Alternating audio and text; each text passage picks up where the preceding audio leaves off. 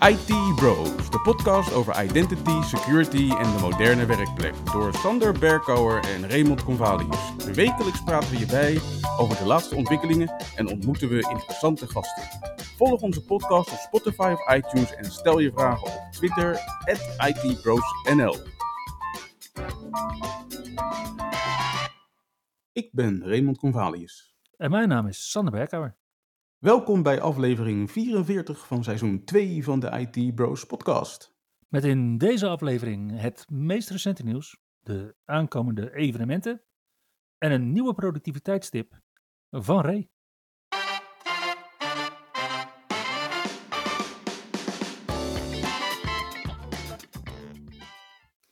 Maar eerst Ray, zijn er nog Windows 11 verrassingen afgelopen week?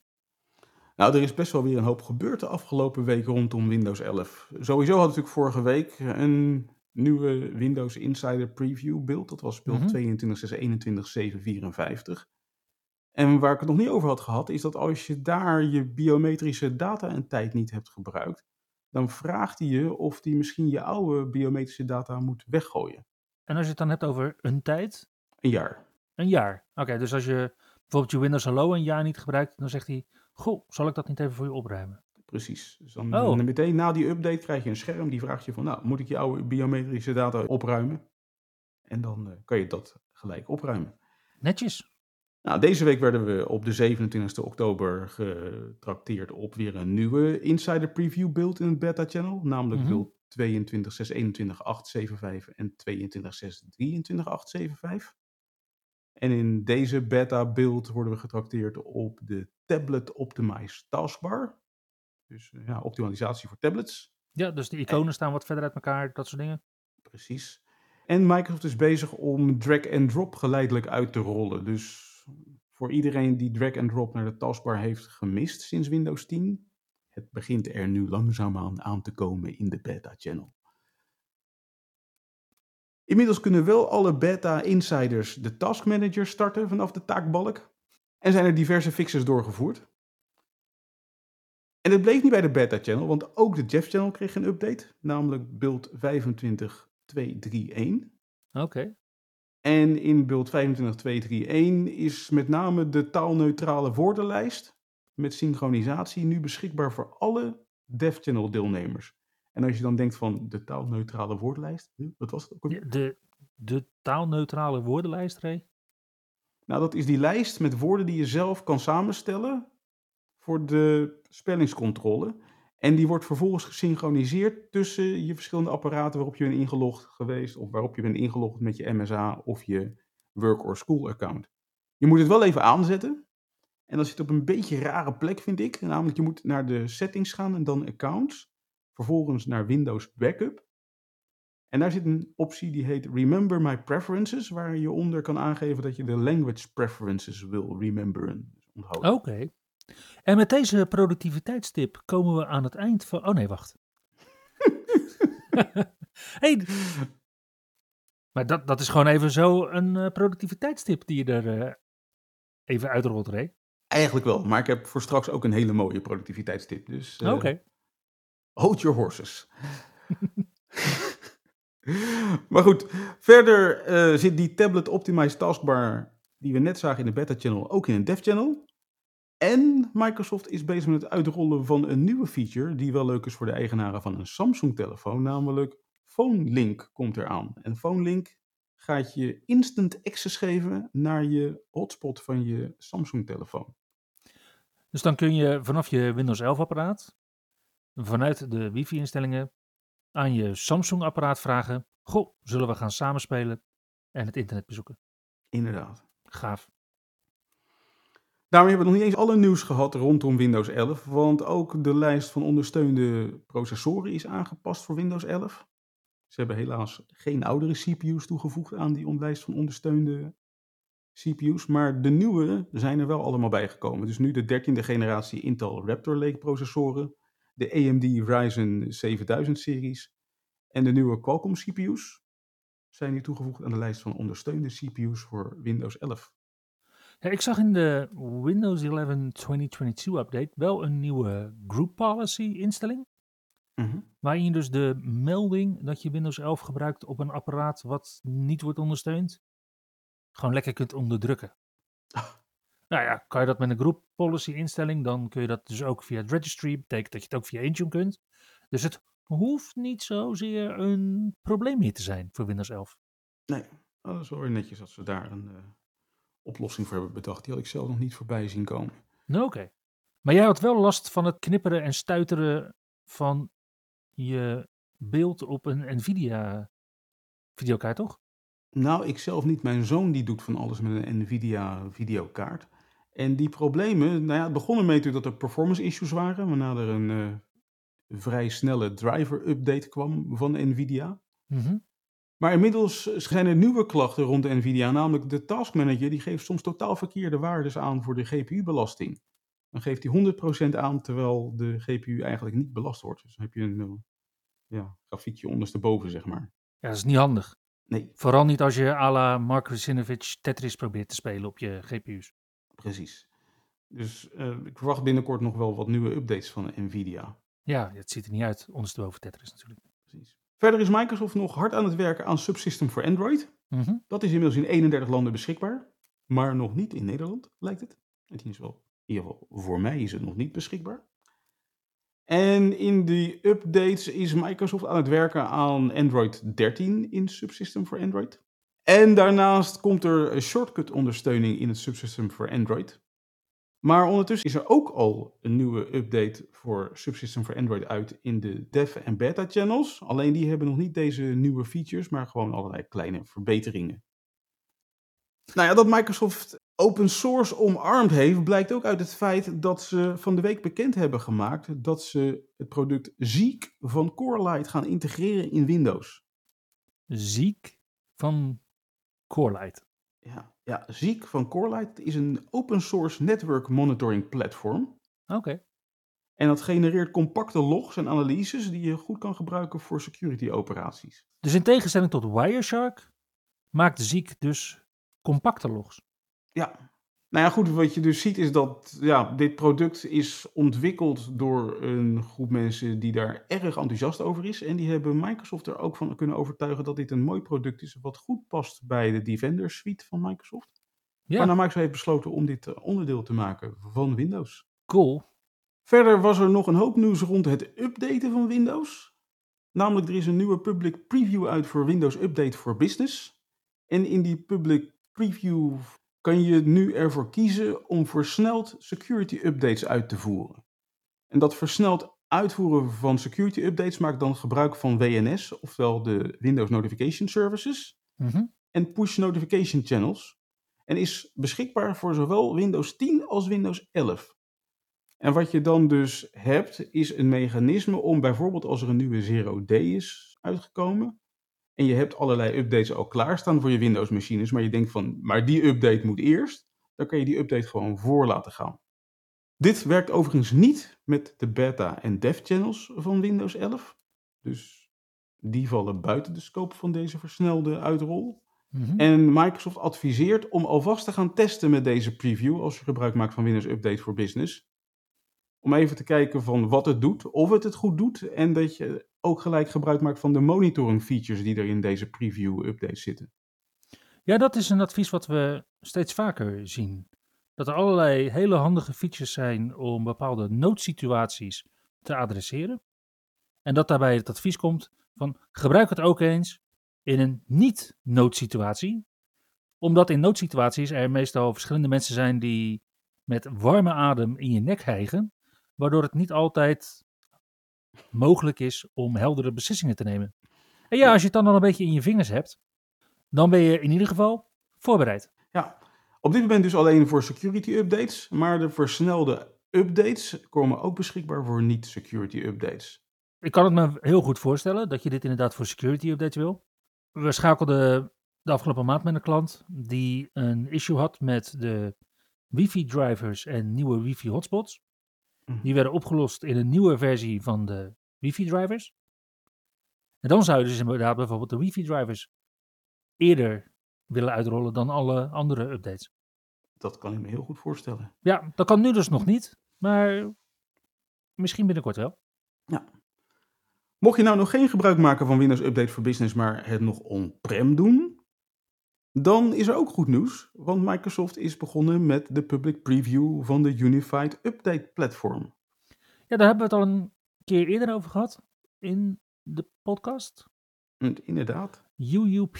Ja, want UUP is dus de nieuwe schakel tussen WSUS en Configuration Manager, zodat je snel en naadloos kan updaten. En er zitten ook allerlei nieuwe features in, zoals bijvoorbeeld upgraden met een enkele boot. En eh, het is ook makkelijker geworden om het installeren van optionele features en language packs te doen vanuit WSUS en Configuration Manager. En als jij nou moet inschatten wanneer we UUP daadwerkelijk zouden kunnen in gaan zetten bij organisaties? We verwachten dat het begin 2023 beschikbaar gaat komen. Oké. Maar ook hier waarschijnlijk begin alvast met testen, begin alvast met... Ja. ja. Absoluut aanbevolen om daar nu alvast mee te beginnen. Ja, en als je die tijd hebt, dus als je niet tot over je oren bezig bent met brandjes blussen in jouw IT-infrastructuur, dan kan het ook alvast lonen om te kijken naar de C-updates. Tijdens de vorige podcast hadden we het over de B-updates, de Patch Tuesday updates. En wat we zien bij Microsoft producten die nog mainstream support genieten, is dat er na de B-update de zogenaamde C-updates uitkomen. Als we dan kijken naar de C-updates voor Windows 11 en voor Windows 10, dan zien we op Windows 11 in beeld 22.621.755 in totaal 26 verbeteringen. Waaronder dus ja, eigenlijk die taakbeheer via het rechtermuisknop contextmenu van de startbalk. Voor zeg maar 99% van alle Windows gebruikers. Niet alleen maar de beta en de dev channel mensen waar jij het de hele tijd over hebt, Ray. Mhm. Wat we ook zien is uh, verbeterde backups wanneer je een personal account, ook wel bekend als een Microsoft account of een MSA, gebruikt. En uitgebreidere MSA-ervaringen in de Settings app. Dus je kunt nu je OneDrive abonnementen beheren vanuit Settings. Mhm. Daarnaast zien we allerlei oplossingen voor issues en de tijdzoneveranderingen van Jordanië. Op Windows 10 zien we dan 19 verbeteringen, dus het zijn er wat minder dan op Windows 11.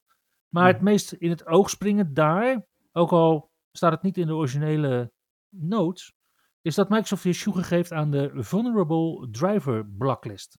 En deze informatiebeveiligingsfeature, die van toepassing is op systemen die zijn ingericht op basis van HVCI of op basis van Windows S-mode, zorgt ervoor dat je geen kwaadwillende drivers meer kunt inzetten als kwaadwillende. En dit blijkt toch wel een veelgebruikte manier nog steeds te zijn om toegang te krijgen tot dit soort systemen. Ook vanuit sysinternals zien we updates. En vooral Process Explorer versie 17 springt dan in het oog. Want Process Explorer biedt een aantal verbeteringen. Waaronder eindelijk Dark Theme support. Dus als jij lekker aan het troubleshooten bent op de bank met gedimd licht, dat je dan niet ineens twee minuten lang verdwaasd, half verblind in Process Monitor bezig bent. Nee, het is nu ook in dat soort situaties rustig voor de ogen. Er is een uh, multi-pane view en er is een nieuwe threads pane. En daarmee kun je dus nog sneller de informatie voor jezelf inzichtelijk maken om te troubleshooten. Daarnaast start sysinternals ook sneller op. Sinds 24 oktober is er nieuwe hardware beschikbaar die met name gericht is op developers. Op 24 oktober heeft Microsoft namelijk de Windows Developer Kit 2023, die ook wel bekend stond als Project Volterra, beschikbaar gesteld. Mhm. En dit betreft een ARM-gebaseerde machine, die op dit moment te bestellen is in acht landen, namelijk Australië, Canada, China, Frankrijk, Duitsland, Japan, de UK en de Verenigde Staten. Ja, en eigenlijk had ik al niet de verwachting meer dat wij daar tussen zouden zitten, die acht landen. Nee, Zelfs voor Android, met de 31 landen zaten we er al niet tussen. nee, precies. Het is een, het is een tijd geleden, ik kan me wel herinneren nog hoor. Maar het is een tijd geleden dat Nederlands als een van de ja, top 10 talen werd gezien bij Mhm. Microsoft. Good old days. Ja, jammer. Nee, inderdaad. Maar goed, deze Windows DevKit 2023 lijkt toch echt wel een hebben dingetje. Het is een eh, vrij compact systeempje, wat mij deed denken aan een Intel NUC. Mhm.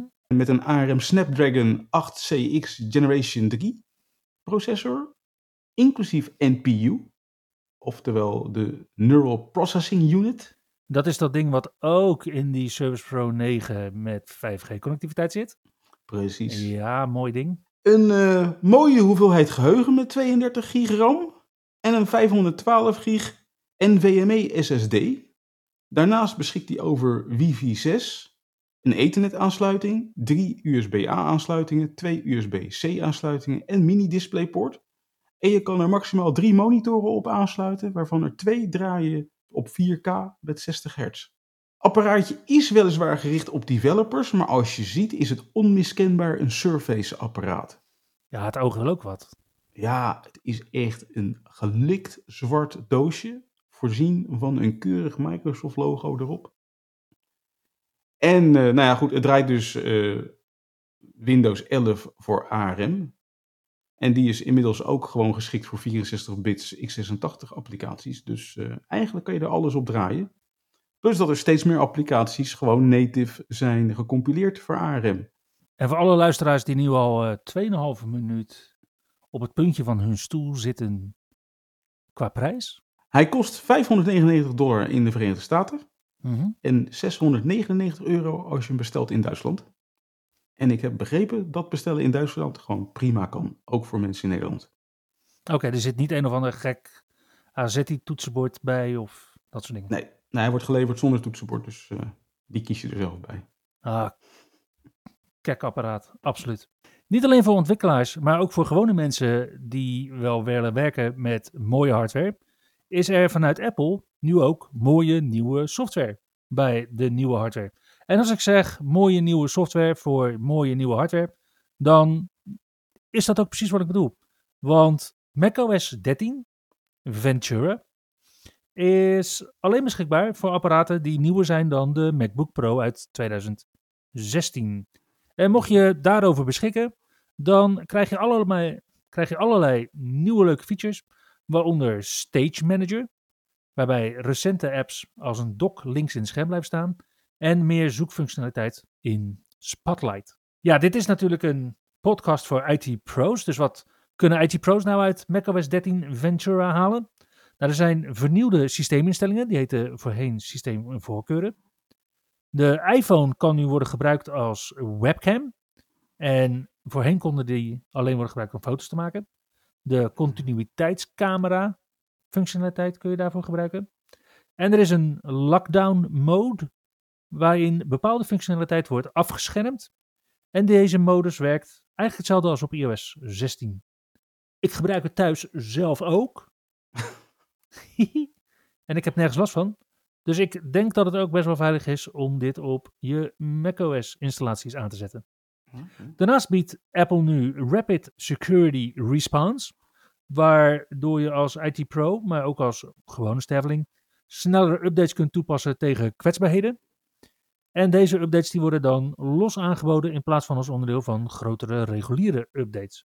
En verder zijn er in macOS 13 Ventura 112 kwetsbaarheden verholpen, waarvan 40 in de Vim-editor.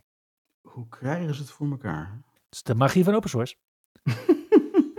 ja, blijkt wel. Ja, macOS 13 Ventura is nu beschikbaar voor alle recente Apple-apparatuur. Er gaat alleen een gerucht dat er een probleem is met monitoring software en anti-malware oplossingen die niet gehele toegang krijgen tot alle bestanden. Daar is ook een workaround voor en daar komt mogelijk ook nog een echte oplossing voor. Nou, afgelopen week was ik best druk met Azure Active Directory. En ik vond eigenlijk best een hoop leuke nieuwe features terwijl ik ermee aan het werken was. Zo liep ik opeens op tegen conditional access filters voor apps. Mhm. En wat je daarmee kan doen dus, is dat je kan je apps taggen.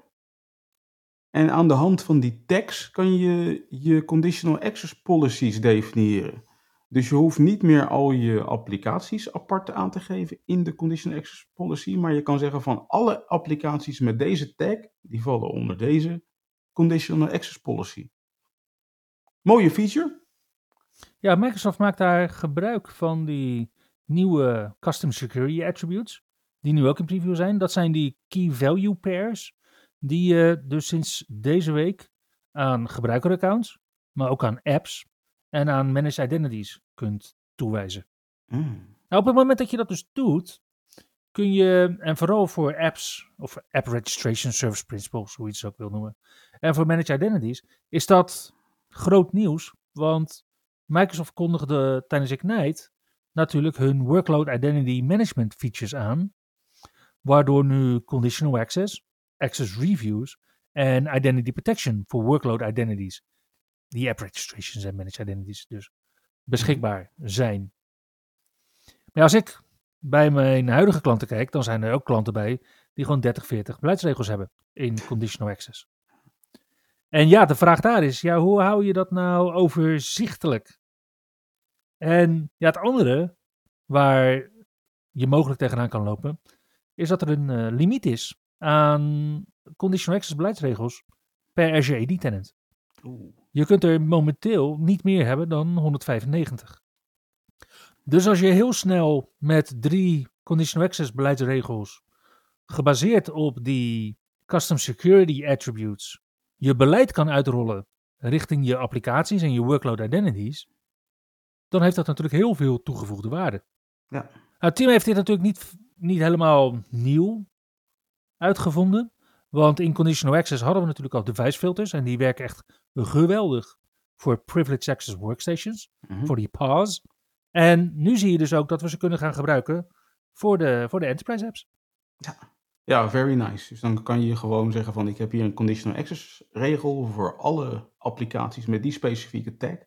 En als je dan een nieuwe applicatie krijgt, hoef je dus niet meer de applicatie toe te voegen aan die conditional access rule, maar kan je hem gewoon taggen en daarmee valt hij automatisch onder die policy. Ja, het wordt alleen wel zaak om dan op zoek te gaan naar de uitzonderingen. Dus oftewel die workload identities en accounts die geen custom security attributes hebben en Mhm. daardoor niet onder een beleid vallen.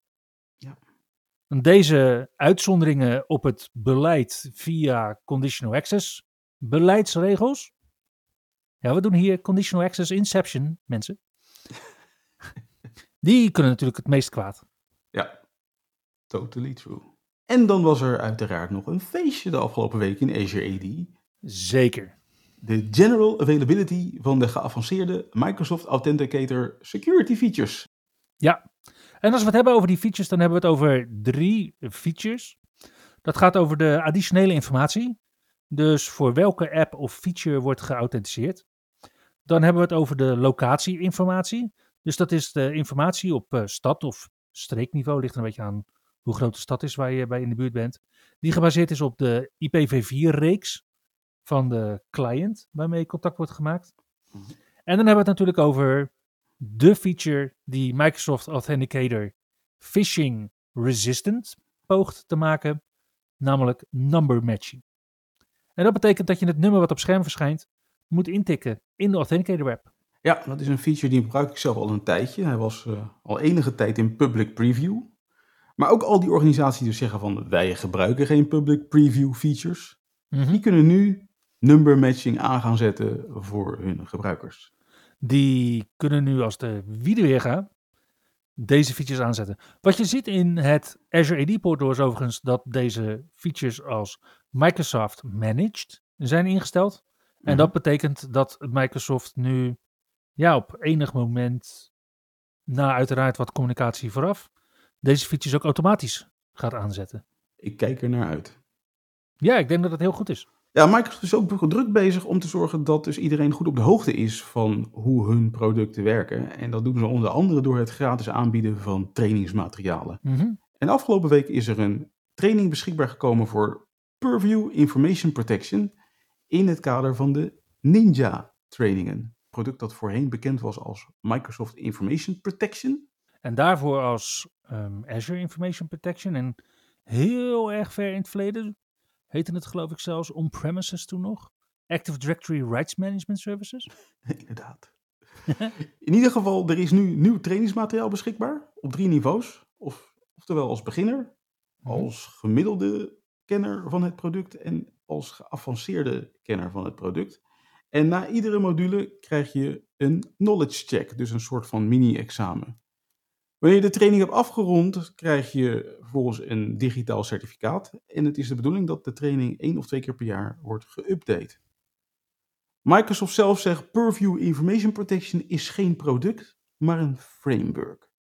En het is dus een framework, het is eigenlijk een suite van producten wat gebruikt wordt voor visualisatie van gevoelige data.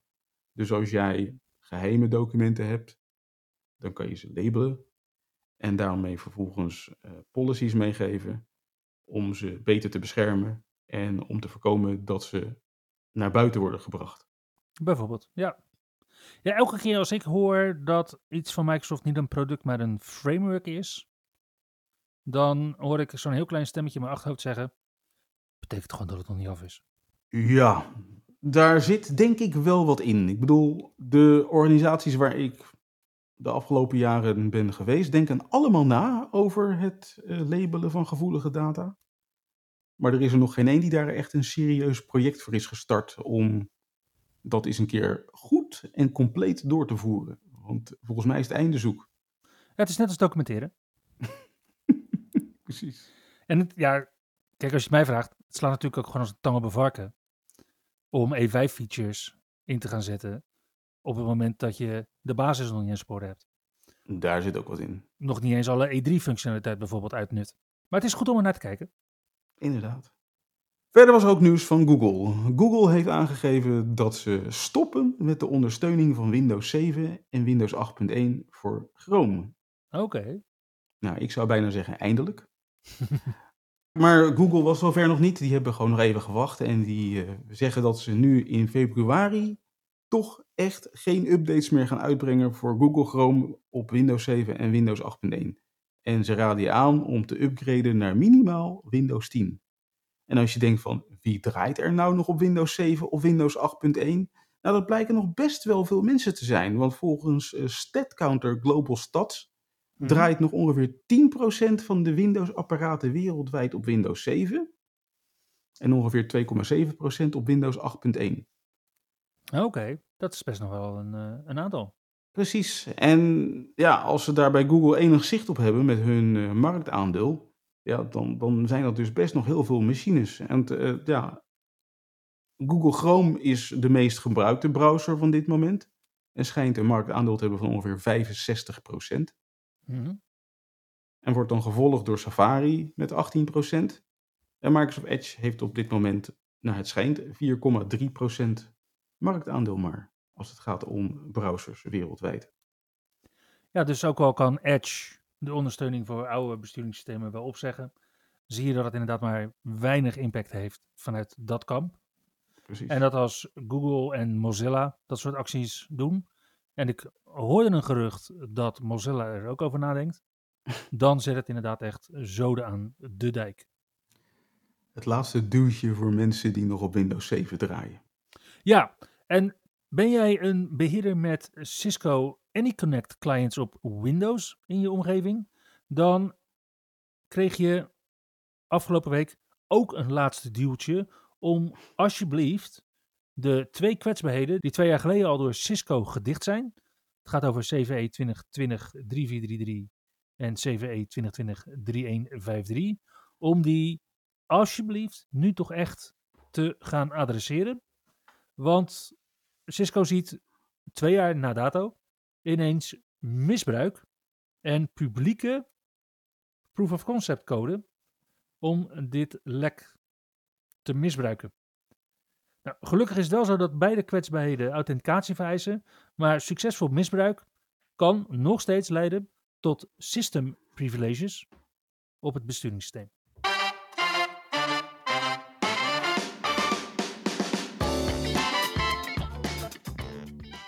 Heb je altijd al willen weten hoe Microsoft zijn datacenters aan de binnenkant beheert? Want ja, je kan er wel langs rijden op de snelweg langs die mooie beige mintgroene gebouwen van Microsoft. Maar dan weet je natuurlijk nog steeds niet wat daar zich binnen afspeelt. Dan biedt Microsoft je daar dinsdag 1 november van 1 tot 3 uur virtueel de kans toe in zijn Microsoft Data Center Tour Virtual Experience. En het is twee uur waarin Microsoft geheel transparant is over hoe ze hun datacenters plannen, bouwen, maar ook beheren. En hoe ze dus die, die hyperschaal bereiken. Ook op dinsdag 1 november kan je vanaf 6 uur 's avonds meedoen aan de Microsoft 365 Admin Center Ask Me Anything.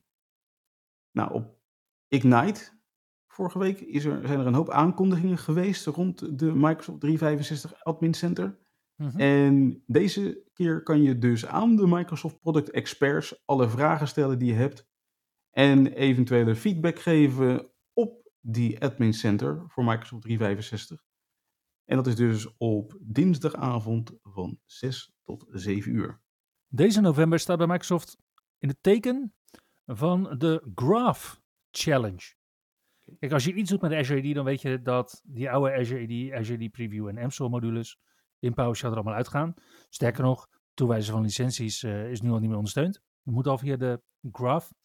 En wat Microsoft de 30 dagen tussen 1 november en 29 november aanbiedt, is een 30 Days of Microsoft Graph Challenge. En in dat kader biedt Microsoft ook een virtuele meeting, waar ze je vertellen eh, wie er achter deze challenge eh, zitten, hoe je kunt meedoen, wat de leermaterialen zijn, hoe je eh, op GitHub de dingen doet, hoe je de prijzen kunt winnen, want er staan serieuze prijzen tegenover. En, en uiteraard vertellen ze je in deze kennismakingssessie uiteraard ook gewoon wat Microsoft Graph is en welke kritieke rol het gaat spelen en nu al speelt in het Microsoft ecosysteem. Dus als jij iets wil doen met de Graph, dan zou dit best wel eens iets kunnen zijn voor je. Mhm. Daar valt een hoop te leren, denk ik. Ja, Op 2 en 3 november is het dan weer tijd voor een fysiek evenement in de jaarbeurs in Utrecht. Daar wordt dan de TBX gehouden. En de TBX is de opvolger van wat voorheen infosecurity.nl en de Data en Cloud Expo was. ah, En dit is het business event voor IT-professionals, business owners en beslissers. Waar begrijpelijk wordt gemaakt en inzichtelijk wordt gemaakt wat de impact is van technologie op je businessmodel. En waar diverse sprekers komen vertellen over eh, innovaties, de business. Er worden diverse IT masterclasses gegeven. En er is ruimte voor Computables Experts Lounge. Nou, de organisatie zegt TBX 2022 staat voor kansen zien en benutten omdat tech voor je werkt. Ja. Automagisering Inderdaad. in plaats van automatisering. Ja. Op donderdag 3 november kun je dan ook s'avonds van half zes tot ongeveer 9 uur via een nieuwe groep, die heet Microsoft Tax Meetup, genieten van een Microsoft Ignite After Party bij Inspark in Amstelveen. En wat je hier voorgeschoteld krijgt is niet alleen een avondmaaltijd, maar ook het kijken van de Ignite Recap, een paneldialoog met een aantal Microsoft MVP's, een Data en AI Deep Dive en de Communication and Collaboration Deep Dive. En vanaf half negen kun je dan weer tot rust komen met een pilsje in je hand. En als je dan nog op reis wil, kan het ook nog. Want van 4 tot en met 6 november vindt de E2E-VC plaats in Athene in Griekenland.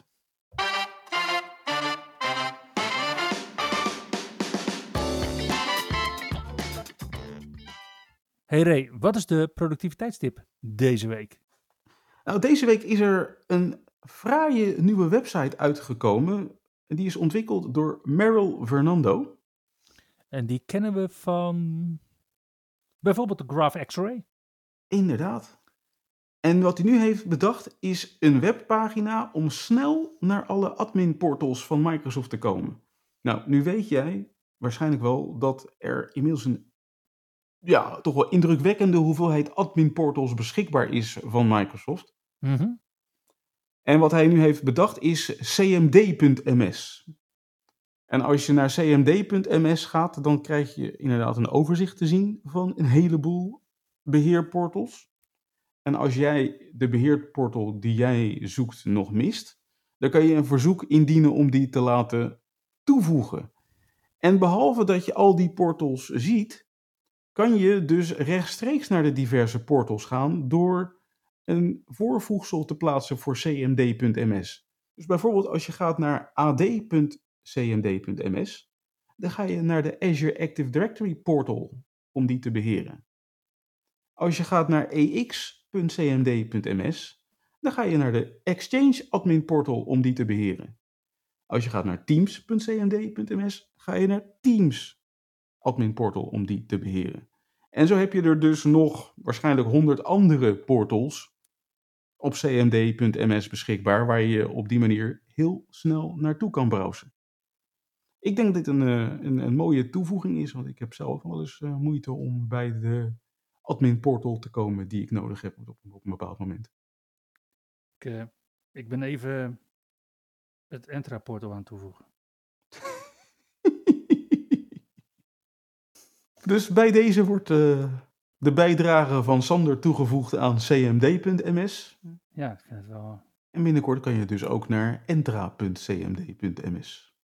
Ja, zodat je inderdaad naar entra.microsoft.com kunt gaan. Sorry, ik moet even controleren. Huh?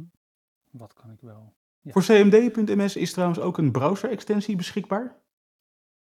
Waarmee je ja, ook weer heel snel vanuit je browser kan zoeken naar de verschillende admin-portalen, oftewel beheerportalen voor Microsoft Cloud. Daarmee komen we aan het einde van aflevering 44 van seizoen 2 van de IT Bros podcast. Dankjewel voor het luisteren en tot de volgende keer. Tot de volgende keer. Je luisterde naar IT Bros, de wekelijkse podcast over identity, security en de moderne werkplek. Abonneer je op Spotify, iTunes of Google Podcast als je de volgende aflevering niet wilt missen.